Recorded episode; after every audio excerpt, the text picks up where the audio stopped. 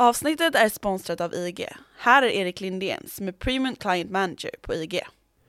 På IG.se finns det möjligheter, dag som natt. Många svenska traders är vana att handla med listade certifikat såsom Bull and Bear-kontrakt. För er erbjuder vi våra Turbo 24. På ett ISK-konto handlar du index, inklusive OMX S30, samt valutor och råvaror dygnet runt från måndag morgon till fredag kväll. Risken begränsas med knockoutnivåer och du väljer din hävstång om det är 3, 5, 10 gånger eller mer. Varmt, varmt välkomna till IG, men kom ihåg att handel med finansiella produkter är förenlig med risk.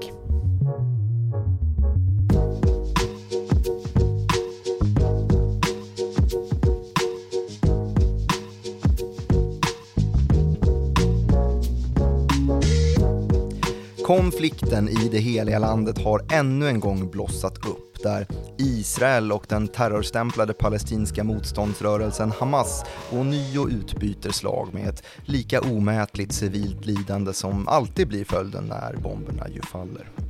Konflikten tycks oändlig, förvisso cyklisk till sin utveckling men fredsmäklarna tycks aldrig kunna stoppa våldet.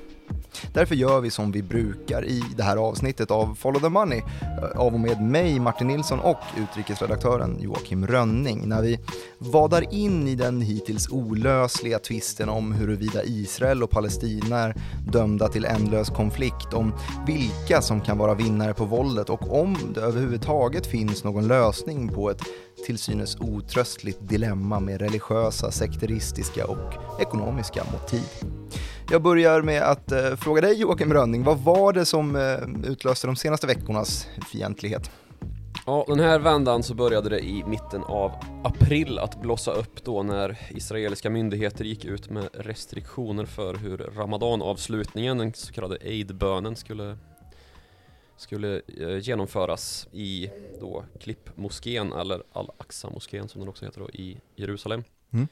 Um, och det slutade ju i rökbomber, och, eller rökbomber, tårgasbomber och chockgranater inuti den här moskén från de eh, israeliska säkerhetsstyrkorna. Runt den här moskén så har vi också tidigare sett då liknande, vad ska man säga, händelsekedjor ta sin början. Och då pratar vi ju om intifada.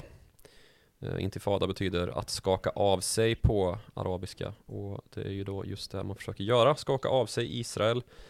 Och intifadorna har ju då varit våldsamma upplopp och um, stridigheter mellan palestinier och israeler över hela landet egentligen.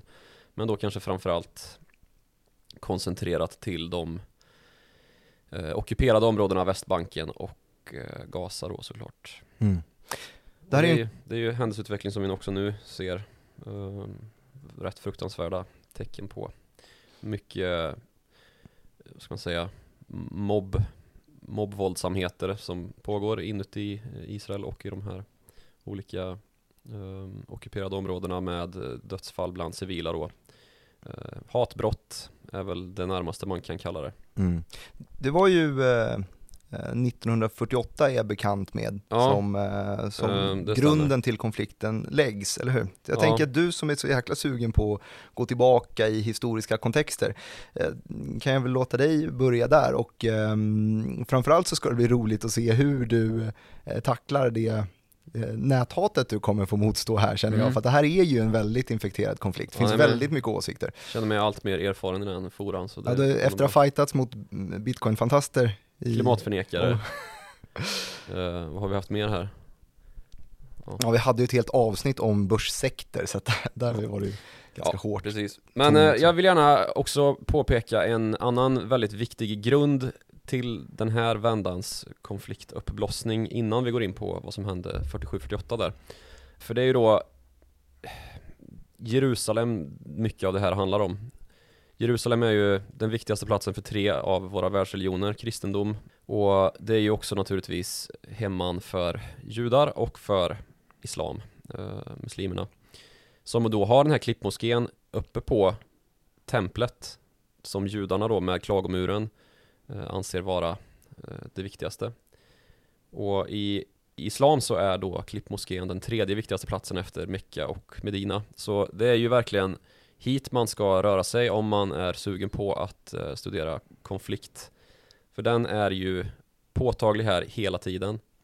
Och staden är ju dessutom eh, enligt FN då ska den vara delad och neutral men i egentlig mening så har ju den också ockuperats av Israel då. Och eh, en annan grund då till den nuvarande konflikten är att man har hyresvärdar som har gått till, alltså fastighetsägare som har gått till domstol i Israel och fått igenom då att man ska eh, få lov att vräka palestinska hyresgäster i en, eh, ett område då i östra Jerusalem som sitter ihop med Västbanken, alltså ett av de här ockuperade men du, du som palestinska är områdena. utrikesredaktör har ju alltid ett öga på den här, den, den regionen egentligen. Kan inte du måla upp lite hur det ser ut geografiskt så att man, så att man hänger med? fram med kartboken här då.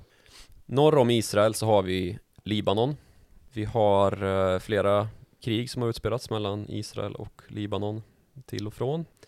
Men de konflikter som vi idag ska prata om i själva formandet av det moderna Israel så rör det sig ju främst om då Syrien som man då har ockuperat eh, Golanhöjderna ifrån. Golan är ju en sån också eh, ofta förekommande i nyhetstext och eh, tal eh, region som då har blivit ockuperad av Israel. Sen så har vi söder om Syrien då en gräns som går mot Jordanien, ganska lång gräns. Öster om Israel alltså. Här har vi ju Jordanfloden som, som en avskiljare eh, mellan de här två. Och här längs den här gränsen så ligger då hela Västbanken som alltså är ockuperat av Israel också. Sen så har vi Röda havet med den enda egentligen eh, sydligt belägna vattenlinje eh, som Israel har med staden Eilat. Och det är ju då en väg ut till de stora världshaven. Och väster om då så har vi Sinai halvön, eh, öknen i Sinai. Och där angränsar man ju då mot Egypten. Resten av gränsen, eller vad man ska säga, eh, landgränsen är ju mot Medelhavet. Så där har vi den geografiska bilden kring hur Israel då idag ser ut Mm. med ockuperade landområden. Och så Gazaremsan då är ju en strategiskt idag helt oviktig punkt där det då bor palestinier och ja, bara palestinier. Och det är också där som den här terrorstämplade Hamas-organisationen härbärgerar sig. Mm. Och 1947 då, så efter andra världskriget så gör FN då slag i saken att gå till en omröstning där man ska bestämma sig för hur man ska lösa Palestinafrågan. För det, det bor där då eh, både araber och judar. Mm. Det är liksom nu kan man väl säga, fast eh, med lite ett, ett rörigare läge eftersom att det var, det var inte ett, en klar, ett klart Israel då. Ehm, så det pågår inbördeskrig i den här, det här landet som kallas Palestina som då är en gammal brittisk koloni som man släppte då efter andra världskriget här. Och när man då går in i, till den här omröstningen i FN så, så är det väldigt eh, tveksamt om hur det ska gå.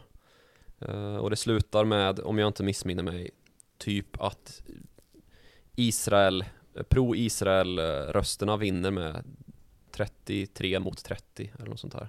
Mm. Så det är, det är ganska tajt och oväntat att Israel får det här mandatet då att bilda ett eget, en egen stat. För det har då funnits inskrivet i olika avtal som eh, britterna har haft med sin judiska befolkning att de ska få ett, ett eh, homeland. Det är inte givet att det är en stat, men att de då ska få tillbaka det heliga landet är väl eh, det många har tänkt sig. Och så blir det då så 1947 den här omröstningen och då har man bestämt att 1948 så kommer det här då övergå till eh, israelerna. Vilket område snackar vi om då? då? Ja, då snackar vi om egentligen det Israel som, som eh, inte idag betraktas som av Israel ockuperat. Så alltså det ingår inte några Golanhöjder, det ingår inget eh, Gaza, eh, Västbanken är palestinsk. Sen så infaller ju då frihetsdagen eller självständighetsdagen för Israel 1948 där. Och det här har ju skett helt emot alla arabländerna, alltså grannarna till eh, judiska Israel som ju ja, krigat med sina alltså internt då i Palestina de senaste ja, decennierna när det här sker. Så det första som händer är ju krig igen såklart. Mm.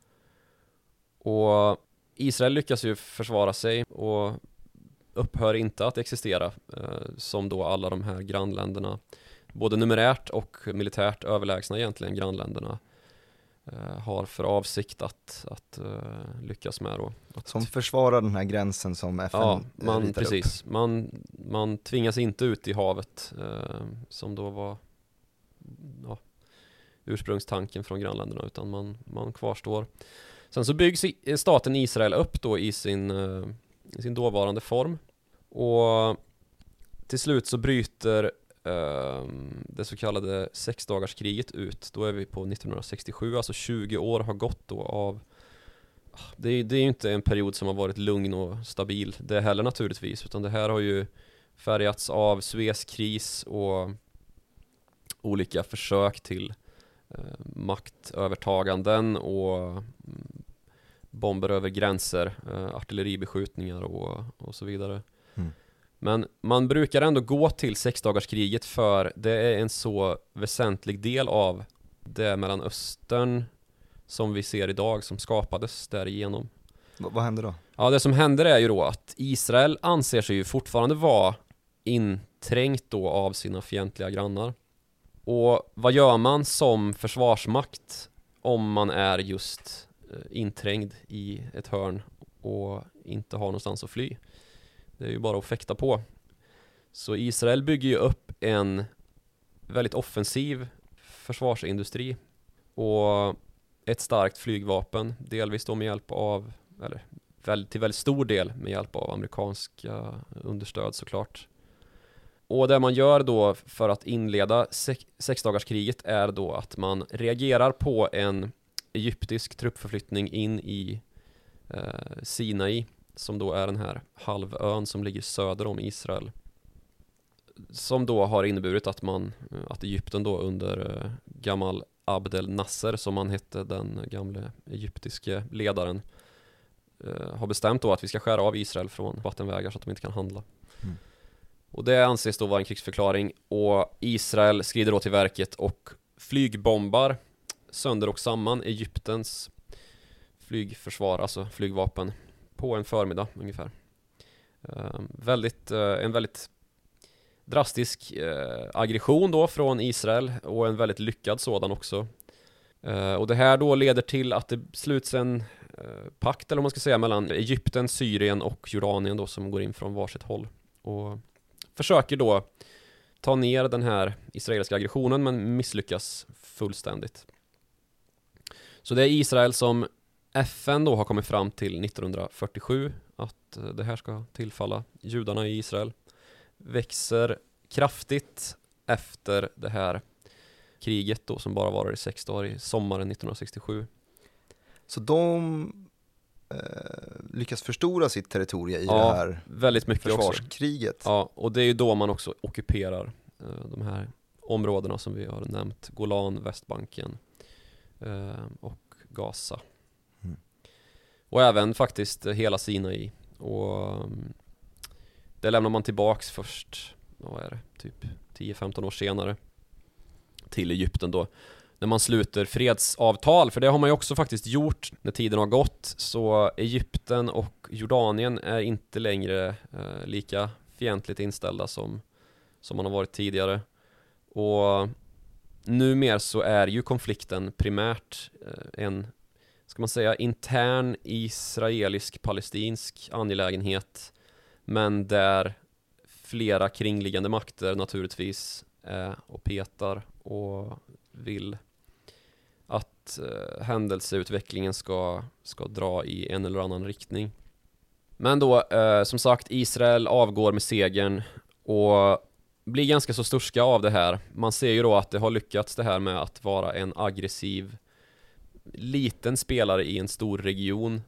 Att det har varit väldigt framgångsrikt. Att man tror att grannländerna kommer nog inte våga gå på oss igen på det sättet som, som man då antydde att man skulle göra. Alltså att förstöra staten Israel, att den ska upphöra och existera har ju, har ju varit retoriken som har förts mot Israel under, under många decennier, ända sedan dess bildande egentligen. Och det har varit en statslösning då som har varit i form att det ska bara finnas ett, ett Palestina där som Israel ligger idag. Och sen så kommer det så kallade Jom Kippur-kriget 1973 var väl det. Och då är det då en, en, eh, ja, men en hastig upptrappning från egyptiskt håll, så det här är alltså innan den här freden sluts. Och då någonstans så ja, får väl Israel lite grann en knäck då av att Egypten och grannländerna inte var så, så värst svaga då ehm, och hade blivit så skrämda av Israel som man hade trott. Men faktum kvarstår ändå att vinsterna från, från, den, från det kriget eh, är ganska så små. Eh, som sagt, man till slut återlämnar Sinai och eh, sen dess så har det också förts liksom en eh, debatt inuti Israel om hur man ska göra med alla de här landområdena. De liberala krafterna anser ju kanske att det vore bättre om man lämnar tillbaks och köpslog med sin egen säkerhet, sin egen fred mot då att, att ge tillbaka eh, landområden som man gjorde med till exempel Sinai på större skala. Eh, och sluta fred då med palestinierna på Västbanken och i Gaza. Och nå fram till den här tvåstatslösningen då som nu är mer aktuell. Alltså att Palestina ska få existera. Sen så är ju problemet då att det här är ju regioner som inte är anslutna till varandra. Västbanken, Golan och eh, Gaza. Och det är ju det, någonting som gör den här konflikten ännu mer rörig och svårförstådd och det man behöver veta då är att Hamas är då en islamistisk terrorstämplad organisation som styr i Gaza eh, där de mest, den största delen av konflikterna numera är aktuella. Och på Västbanken så styr då Fatah-rörelsen som är en PLO-organisation. Och den är betydligt eh, den är sekulär och eh, vänsterorienterad och inte alls lika eh, sekteristisk som Hamas är. Men båda emot Israel? Ja. Men hur ser relationen ut sinsemellan då? Om den är ju Hamas jätterörig den också. Det har ju förts krig i både Västbanken och eh, Gaza kring makten då, framförallt i Gaza eftersom att Långt innan Israel bildades kanske? Nej, alltså det här är organisationer som har uppstått ur alltså, palestinska frihetskampens, vad ska man säga, gängor liksom. Så att mm. Det kan man nog inte säga att det fanns innan men, men det, och det finns ju ytterligare en variabel som gör det här ännu mer komplext och den är ju Iran. Vad, vad kommer de in i det här? Ja, um, som sagt, det var inga arabiska länder som var särskilt pigga på att uh, godta att Israel överhuvudtaget var ett land när, när det begav sig 47-48 där. Mm. Men uh, den dåvarande shahen av Iran, han godtog dock Israel. Och det vet vi vad som hände i Iran efter shahen. Han störtades ju av Ayatollah Khomeini. Och sen dess så har då eh, Iran och dess revolutionsgarde eh, fördömt Israel och sagt att det här är inget land. Mm. Israel kommer förgöras. Och det har man ju också verkat för då genom just Hamas. Och då blir det krångligt alltså för det finns ju en, en stor konflikt mellan hela muslimska världen där Shia-islam då och eh, Sunni-islam, de två huvudgrenarna, där då Shia i princip utgörs av Iran och ja, slarvigt resten av arabvärlden eh, är företrädelsevis sunni-muslimsk. Så är ju också Hamas sunni-muslimskt liksom um, Fatah och Saudiarabien till exempel. Då har ju den här det här stödet från iranskt håll till Hamas tolkats som någon sorts, som, som, att det är ett verktyg mer eller mindre och att man Alltså det främsta skälet till att vara emot Israel kanske är att shahen då, den västvänlige eh, tyrannen som man ser det från eh, nutida styret i Iran eh, Att man ska gå emot det och att, att det är som en hämnd på de tidigare styrande.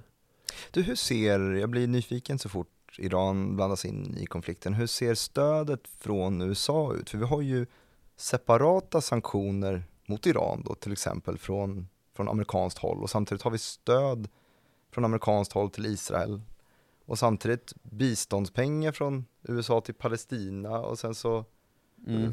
vad... Alltså om vi ska prata nu då så är man ju väldigt mycket för uh, att man ska, att det ska vara eldupphör helt enkelt. Sen så har vi det här kärnavtalet som ju Israel är väldigt emot kärnavtalet då, där alltså USAs och EUs hållning är att man ska försäkra sig om att Iran inte upprustar till kärnvapenkapacitet Just det. Eh, och att man gör det då i utbyte mot att få friare handelsvägar till väst och att det ska gå att investera i Iran utan att drabbas av sanktioner och så vidare. Det här var ju någonting som Israel naturligtvis var helt emot under Benjamin Netanyahu då, som är premiärminister i, i Israel. Mm. Och han är ju en man i ganska mycket linje med Donald Trump. Eh, en Alltså de hade ju mycket med varandra att göra och Donald Trump stod ju bland annat för det kontroversiella beslutet att flytta ambassaden till Jerusalem eftersom att det är omtvistat då om i vilken utsträckning det ska vara israeliskt då. Ett kaxigt move då. Ja, det blev det ju. Eller det blev ju som att man tog ställning väldigt mycket. Mm. Och det Nu då under Biden så har det väl inte heller, alltså det, det finns ingen så här Ingen hittills, vad jag vet, eh, amerikansk presidentadministration har ju varit bara på ena eller andra sidan. Förutom då Donald Trump. Som till och med ehm, förklarade Golan som, en, som isra israeliskt territorium. Den här området som de Angränsar tog mot- 67 precis. mot Syrien då. Angränsar mot Syrien, ja precis. Och det Men i nuläget då under, under eh, Joe Biden och Anthony Blinken så har ju Allt fokus varit på att deeskalera men också att då Hamas inte har rätt att skicka raketer in mot Israel och framförallt Tel Aviv då som är en tätbebyggd eh, storstad, näst största i Israel. Och att Israel, när detta sker, har rätten att intervenera och, och sätta sig till motvärn, ungefär. Men fokus är väl på deeskalering och det är ju också någonting som lite grann bevarar den här konflikten i sig självt och lite grann utelämnar den till sitt eget, sin egen lösning liksom. Och den lösningen är ju eh, svår. Mm, det förstår jag, för det leder mig nämligen till nästa del och det är ju att eh, den här podden brukar ibland prata om ekonomi. Eh, och då skulle jag vilja lista ut lite vad som händer med en israelisk ekonomi som på något sätt, den moderna israeliska ekonomin grundas väl ungefär eh, ja, men efter sexdagarskriget 67 så blir det i alla fall en ganska rejäl omstöpning i vad man liksom fokuserar sig på. Hur... Ja, eller i alla fall det blir en förstärkning av att man ser ju att det här funkar ju. Eh, och det som funkar då är att man skapar en hög tek eh, teknologisering i sin egen i, sitt egen, i sin egen militär. Mm. Um, en väldigt stor andel av BNP i Israel går till eh, försvaret. Jag har inga helt uppdaterade siffror men det rör sig ju om, det är, det är på en väldigt hög nivå om man jämför med Sverige Och då ska vi väl också eh, lägga till här att det är väl BNP per capita mässigt så är Israel eh, en bra bit över sina Ja, grannländer i gud alla ja, fall. verkligen. Det man ligger någonstans kring eh, Spaniens nivå ungefär. Mm. Så det är ju ett EU, ett EU-snitt skulle jag, skulle jag tänka mig. Vad är de duktiga på? Eh, alltså i och med att man har den här stora armén och att den genomsyrar hela samhället genom då att alla gör sin värnplikt i princip.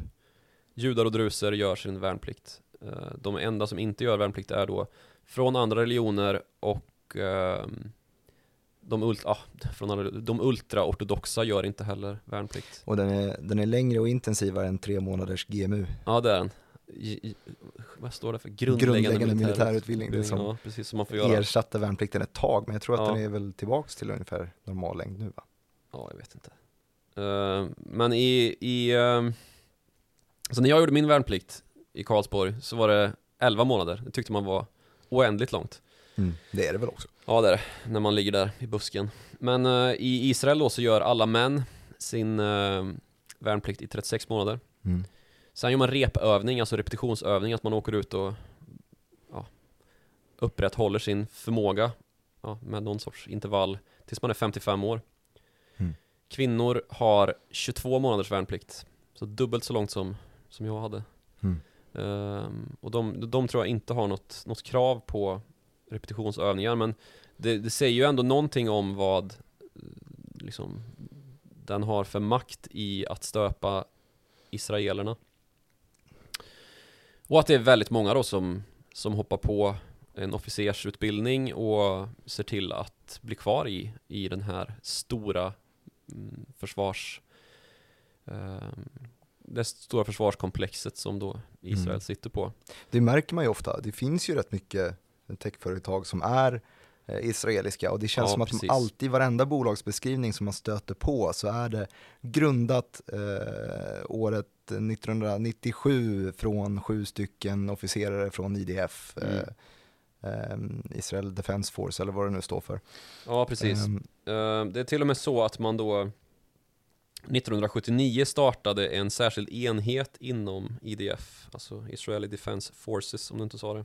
alltså ungefär så. Ja, bra. Ehm, och den här enheten heter Talpiot och den var då inriktad på att man skulle techifiera och utveckla och liksom innovera sig bort från undergången. Eller vad man ska säga. Eftersom att det fortfarande då var fråga om att de kringliggande länderna ville att landet skulle upphöra att existera. Mm. Och det är ju en väldigt stor andel av de här Talpiot-anställda som någon gång i karriären bestämmer sig för att gå vidare, ta med sig i alla fall delar av sina kunskaper och koncept från den militära tiden och starta privata företag.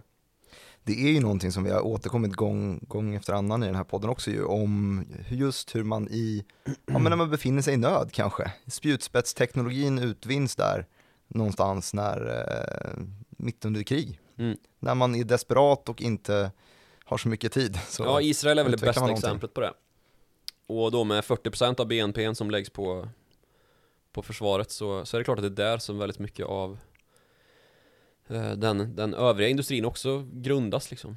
Det märkte man ju efter upptrappningen nu i, som drog igång här bara för några veckor sedan ju, så var det ju bilderna som cirkulerade, eh, var ju väldigt mycket den här kapaciteten från Iron The Dome-skyddet. Iron Dome, ja precis. när eh, raketer som skjuts in innanför gränserna på Israel möts av andra raketer som Ja, skjuter ner raketerna och oskadliggör. Ja. Så heter det. Det är ju en eh, extremt högteknologisk Ja, militarism. Det är ju den mest, högtek- det mest högteknologiska missilförsvarssystemet som finns upprättat någonstans.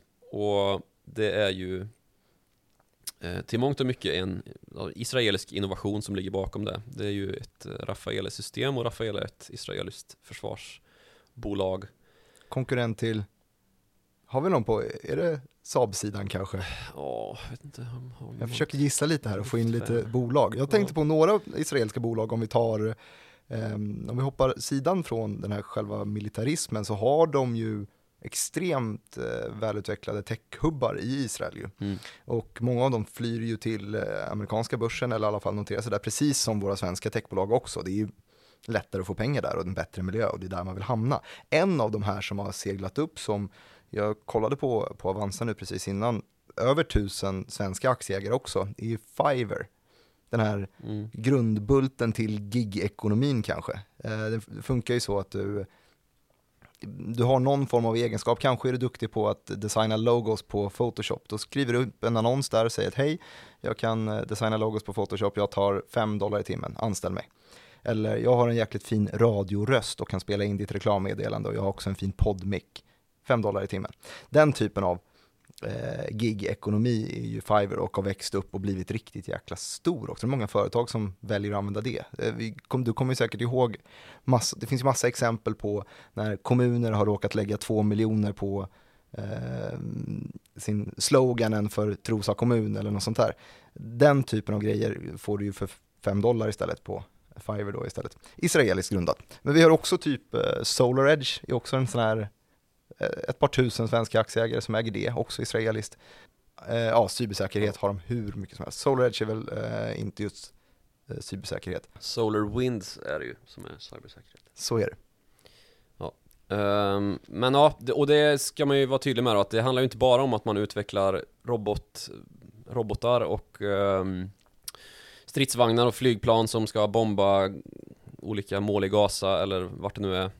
Utan också då ja, men spionageteknik till exempel som man kan närmast förknippa med hemelektronik och olika typer av eh, just cybersäkerhetsprogramvaror och sånt här. Det är ju någonting som då har gjort Israel till en just techhub och många av de här bolagen sitter i Haifa som är en bit upp längs eh, kusten då. Och ja, här sitter ju hela gräddan av de amerikanska techbolagen också som har verksamhet i regionen naturligtvis. Så det är liksom där Google och Facebook och Microsoft och Amazon och you name it sitter. Och det är också här som man har lyckats få ett inflöde av en ganska så intressant produkt som ju är i ropet eh, just nu av flera skäl. Halvledare, alltså mikrochip eller mikroprocessorer. Mm. Och en väldigt stor andel av bland annat Intels, eh, amerikanska chipbolaget Intels produktion sker i Israel. Och det har kommit att bli lite av en vinnare i det här handelskriget som pågår mellan USA och Kina faktiskt. Um, för Israels export till Kina har seglat upp som en väldigt viktig inkomstkälla för landet. Mm. Och då framförallt i fråga om de här chippen som tillverkas då i landet. Så man Ja, kallar det här för, Otippad vinnare i det där kriget ja. ja, kan man säga. Silicon Valley heter det i USA, Silicon Valley kallas det i, i Israel. Och Valley är då Valley, dal hebreiska. på arabiska och hebreiska. Precis, så det är ju en tydlig konsekvens då av att man äh, Delvis så har man en väldigt äh, global befolkning i form av då att äh, Jag tror det var fallet i just fråga om Intel att en tidig ingenjör där flyttade hem, han, en judisk tidigare ingenjör, eller en judisk ingenjör som flyttade hem till äh, Israel då och tog med sig en massa know-how och startade då Intel i äh, Intels gren i Israel som idag anställer typ 10 000 pers Mm. och är ett av de stora eh, globala sätena för Intel. Mm. Och det här gäller ju även för Qualcomm och Nvidia och alla de här andra chipbolagen också. Är det det de ska, som ska rädda dem ut ur den här ja, men ekonomiska paradoxen? För att eh, vi, vi nämnde ju den här den nya israeliska ekonomin, ja nya då, sen, sen den skapades ungefär, som är väldigt mycket eh, militärinriktat. Och, och väldigt mycket av in, industrierna beror på eh, den typen av eh, produkter som man då kan skada andra människor med. Eller då till exempel cybersäkerhet som också är någon form av eh, militär industri, kan det ju vara. Eh, men det det, det det bevisar, eller det det handlar om väldigt mycket är ju att landet Israel skulle se väldigt mycket annorlunda ut om det plötsligt blev fredstid. Ja. Eh, och då behöver man ju någon form av annan industri som man kan luta sig på. Är det, är det halvledarindustrin som Israel kommer ta en otippad plats inom? Det skulle det kunna vara. Ehm, men sen så, Ska ju konflikten ta slut också. precis, och det är ju kanske där vi får börja nysta lite grann. För det är ju, finns ju naturligtvis eh, det här militärindustriella komplexet som vi har pratat om i ett tidigare avsnitt. Så det här är ju ett väldigt bra exempel på den konspirationsteorin Mm. om att då en självgödande eh, militär, alltså en försvarsindustri som behöver stridigheter för att excellera också skapar fundament då för att det ska eh, ske den här cykliciteten i konflikter. Och till grund för det här, så det är ju den bördigaste av jordar ju att, att ha just den problematiken i eh, Mellanöstern och Israel då. Eh, så det här är ju en ja, någonting som alla fredsmäklare tvingas inse hittills i alla fall att det här är ju inte lösligt utifrån ekonomiska paradigmer utan det är ju fråga om någonting så mycket krångligare än så. Mm. Eh, och ska det bli krångligare än vad ekonomi kan vara så är det väl bara Religion. religionen Ja. som, eh, som man kan gå till. För det, det är ju någonting som man kanske kan tendera att glömma bort då om man eh, ser de här vidriga bilderna från Gaza som ju i princip är ett utomhusfängelse idag. Det saknas ju allt, Mm. eh, ända ner till vatten liksom. Ja, rent vatten i alla fall. Alltså man kan prata hur mycket som helst om de ekonomiska förutsättningarna för Israel, både inför, under och efter sin tillblivelse.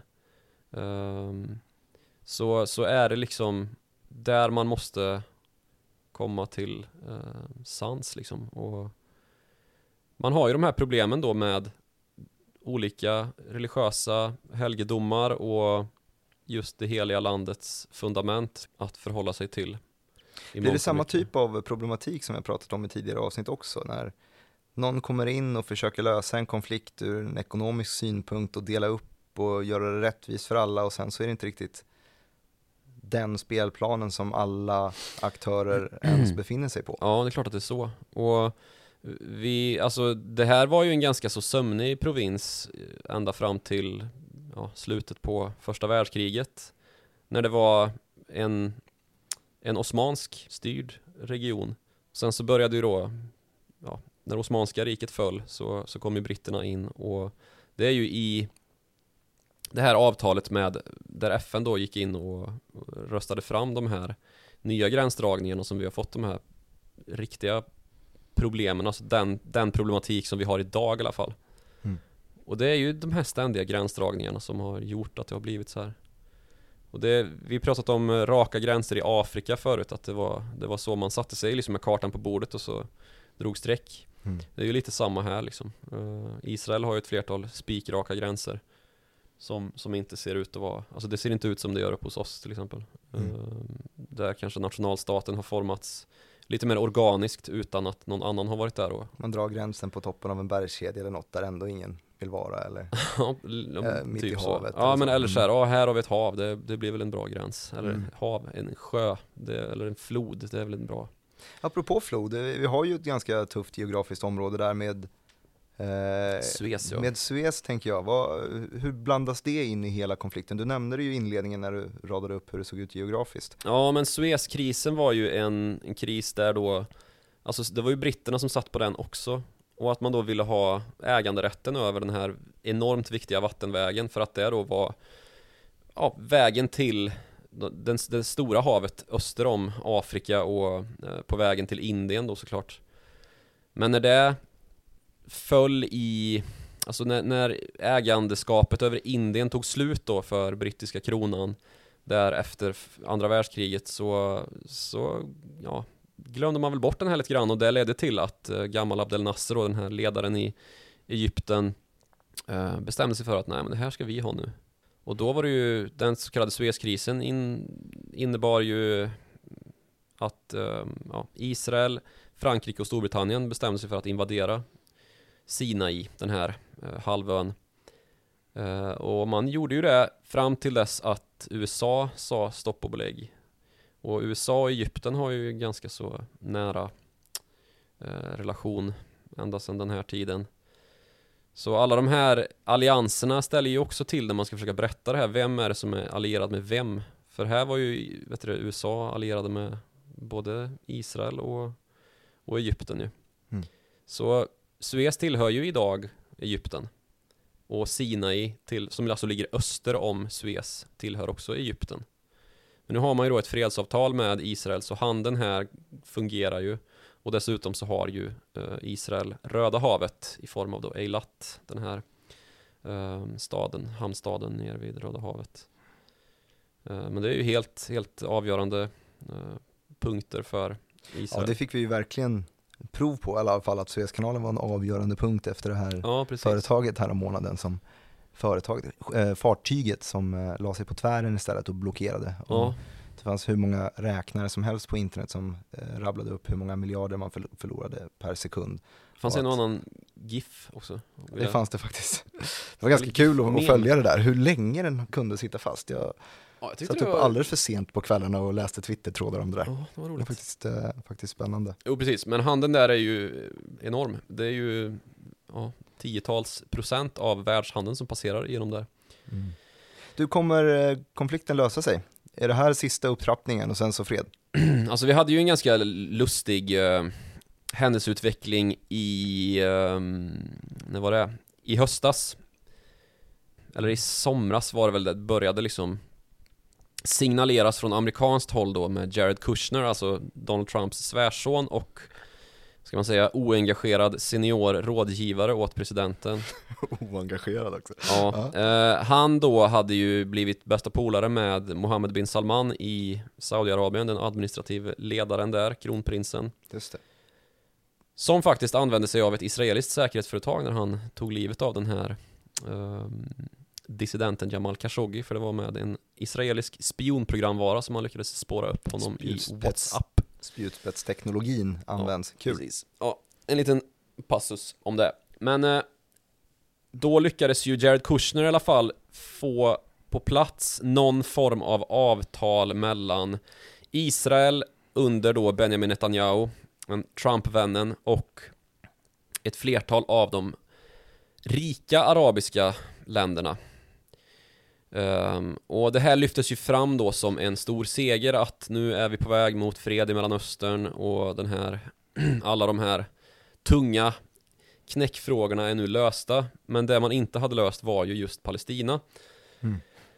Och det är kanske ännu bättre än våran tidigare utläggning här kan karaktärisera vad problemet egentligen är då. För Jared Kushners avtal det gick ju egentligen ut på att man skulle muta palestinierna till någon sorts fredsfördrag med Israel. Mm. Att man då skulle förbättra de ekonomiska villkoren för Palestina mot då att de gav upp sin, sin hjärtefråga om att få ja, få sina original eh, sitt originalland bevarat. Vad svarar de då? Nej men det, de, de skrev ju aldrig under på något avtal mm. och um, det här sågs väl som, alltså de här första då när man fick eh, Oman, alltså Mellanösterns Schweiz och några andra rika, jag tror Förenade Arabemiraten var väl också ett land som som uh, skrev under på det här. Att då ja, upprätta alltså flygförbindelser med Israel till exempel som inte någonsin har funnits. Mm. um, och att det skulle ske någon sorts normalisering då att det här var då en ett tecken på att det började luckras upp. Men uh, nu vete fan ärligt talat.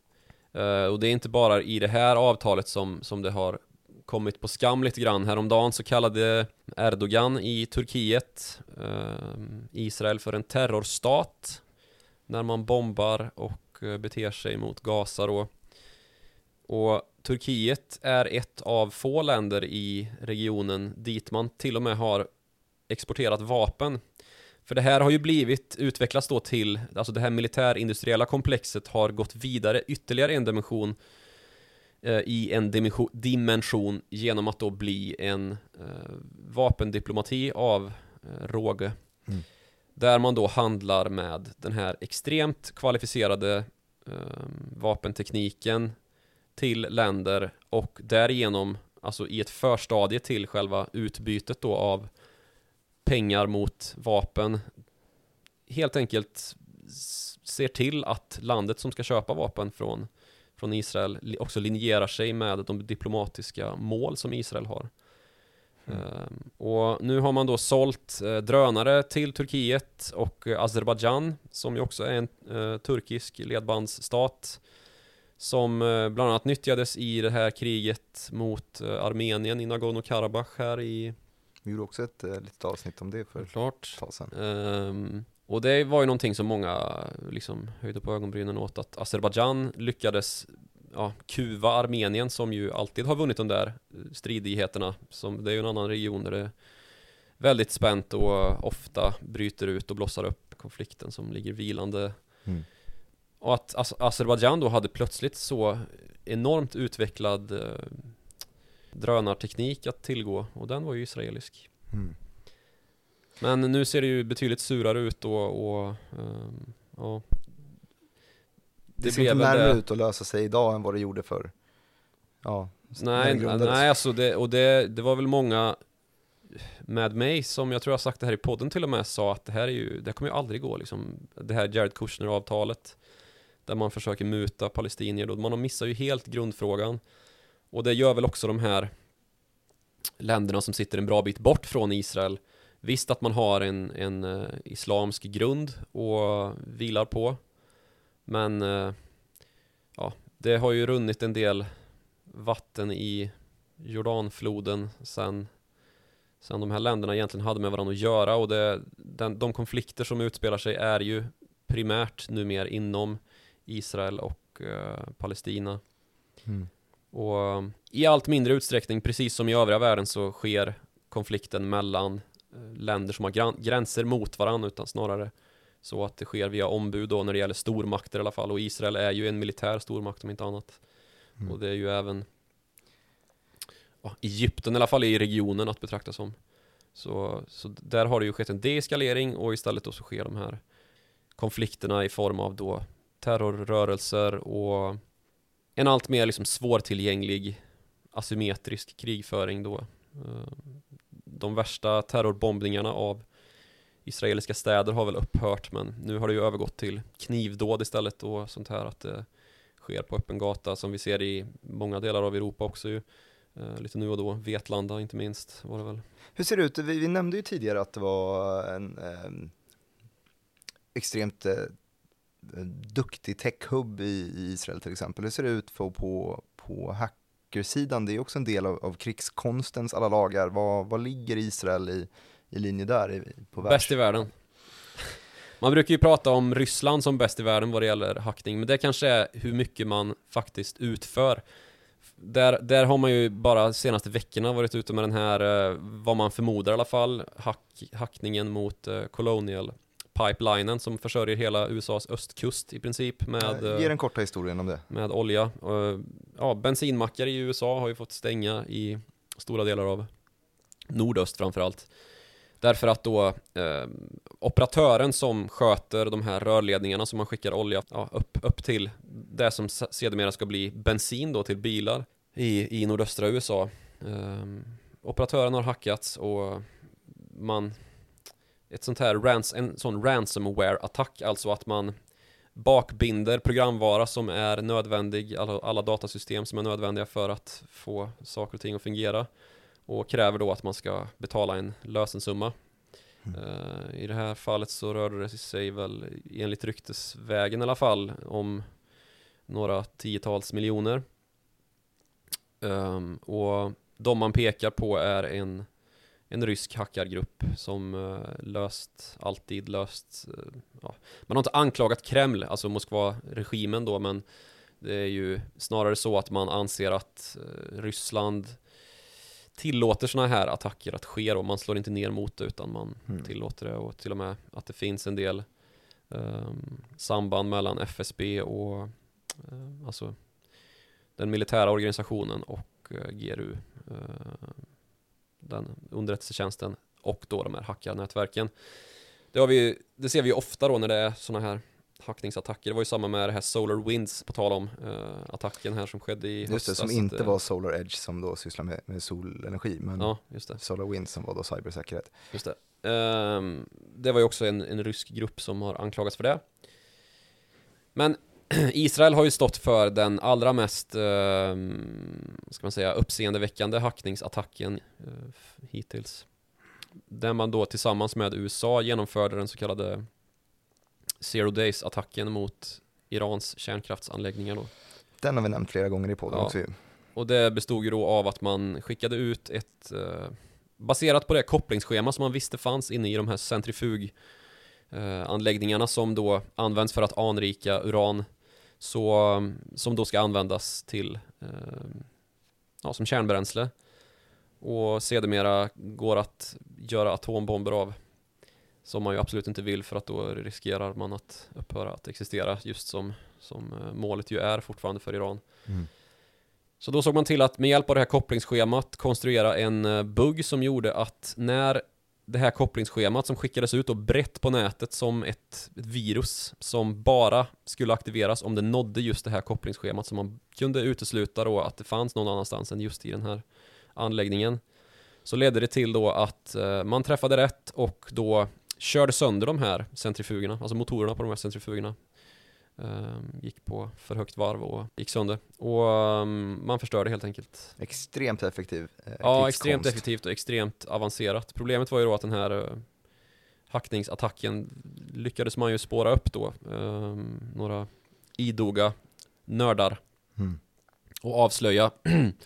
Så nu har man ju kanske öppnat upp då för att konstruera liknande liknande virus som eh, kan användas på motsvarande sätt för lite mer maligna aktörer. Så det är ju lite problematiskt. Och det här var då Israels och eh, USAs underrättelsetjänst som samverkade för det här. Man har inte erkänt det men det, det är ganska så eh, vad ska man säga, inofficiellt erkänt att det var just på det här viset att Zero Days var en konstruktion av Israel och USA eh, för att då slå ut Irans kärnkapacitet. Så det här är ju väldigt eh, imponerande eh, hacknings förmågor som man sitter på och det här var inte privata sådana vad man vet utan just underrättelsetjänst eh, aktörer Så statliga Det myndigheter. sitter många, många, mycket kunskap i, i hjärnor i Israel som sedan slussas ut till Silicon Wadi Ja. eh, och senare till eh, New York-börsen ungefär. Det här avsnittet inleddes ju väl med den här senaste upptrappningen vi har sett i konflikten Israel-Palestina som har ju eh, pågått sedan, sa vi, eh, 1947-48 när det röstades igenom i FN att man skulle rita upp Ja, raka i- kartlinjer över området. Tusen år eller något. Ja, just det. Men i, i närtid i alla fall. Ja, du kan få rätta dig på det. Eh, I den här konflikten så tog vi i alla fall vid typ 48 och sen så gick vi ganska snabbt fram till sexdagarskriget där ju kartan ritades om ytterligare. En offensiv som eh, först tyckte Israel inleddes av Egypten, eh, fick svar på tal och sen så tog man över ett par olika områden. Golanhöjderna, Västbanken, ehm, Gaza. ja, Gazaremsan, ja just det. Eh, Nu har jag lärt mig den här geografin också, det är härligt. Och där bildar man ju då det här nya Mellanöstern eh, efter det. Och där någonstans också tar den nya israeliska ekonomin verkligen fart. Som du sa, någonstans mellan 40% av, eh, av BNP på militärbudget Ja. är ju ganska eh, saftigt i alla fall i ett land som faktiskt tjänar en del pengar och har ett BNP per capita i alla fall i, i linje med Spanien sa det också. Eh, vi redde ut rätt mycket av vad som hände på Västbanken, Gaza, mellan relationerna mellan Hamas och Fatah och eh, PLO och Iran nämndes och alla närliggande intressen och en Suezkanal eh, pratade vi också om och fartyg som hamnar på sniskan. Eh, vi snackade mycket om militariseringen, om tecken då i Silicon Valley och de här företagen som då hamnar i, i USA väldigt mycket. Tel Aviv-börsen är inte så, så intressant för så många. Det finns ganska dålig omsättning utan är man ett stort techföretag så vill man hellre till USA precis som vi ser eh, techföretagen i, i Sverige vill hamna där också. Spotify är ju det mest lysande exemplet där. i. Eh, och där har vi sett bolag som också nått ögonen hos svenska investerare. Vi snackade SolarEdge, eh, vi snackade Fiverr till exempel som har varit på senare tid i alla fall fått många nya investerare. Vi snackade väldigt mycket om cybersäkerhet för att kollar man upp de israeliska bolagen på just eh, eh, New York-börsen så är det väldigt mycket cybersäkerhet som finns där. Vi snackade om att det här var lite av en självgödande konflikt, likt det här militärindustriella komplexet som vi har pratat om väldigt många gånger. Att man tjänar pengar på att krig fortsätter och därför fortsätter man investera i det och på kort sikt då så tjänar man på att i alla fall konflikterna inte helt dör ut. Men det kanske finns en räddning, snackade vi om, att man kan börja tjäna pengar på ett annat sätt. För är det så att man börjar tjäna riktigt mycket pengar på halvledarindustrin så finns det i alla fall en an- någonting annat att syssla med än just krig. Vi snackade om eh, Jared Kushner, den ehm, Oengagerade. oengagerade, Seniora rådgivaren Seniora rådgivaren. så var det. Och, Så eh, landade vi att det kanske är ett religiöst problem det här ändå. eh, Och Och, att- det kanske är därför Israel har 40% i militär budget. Vet du vad Sverige har? nej vad har vi? Ungefär 1%. Mm. Okej. Ja, det är ju mindre än, eh, än 40 procent, i alla fall procentenhetsmässigt. Men jag får tacka i alla fall allihopa för att ni har hängt med oss och lyssnat idag på vårt Israel-Palestina-avsnitt. Det var kul att köra ett sånt, det har vi inte gjort förut. Eh, Se hur kul det blir här nu när vi avslutar och eh, väntar på inflödet av av, eh, av hat. Jag har varit tyst nästan hela avsnittet. Det är, jag har spetsat min intervjuteknik på senaste, så att, eh, jag är väldigt glad över det. Då får du låna mitt konto den här veckan. Ja, det ska jag göra. Eh, och kontot han pratar om, det är ju då alltså eh, snabel Joakim Running som man eh, hittar på Twitter och mig kan man också hitta på snabel Direkt Martin som då alltså kanske kommer betjänas av Joakim Running den här veckan. Eh, man kan mejla till oss, då mejlar man på followthemoney@direkt.se och man ska lyssna på oss varje onsdag för det är då avsnitten släpps och man ska klicka tumme upp där det går, man ska skriva recensioner med glada ord och man ska ha det riktigt fint tills vi hörs igen.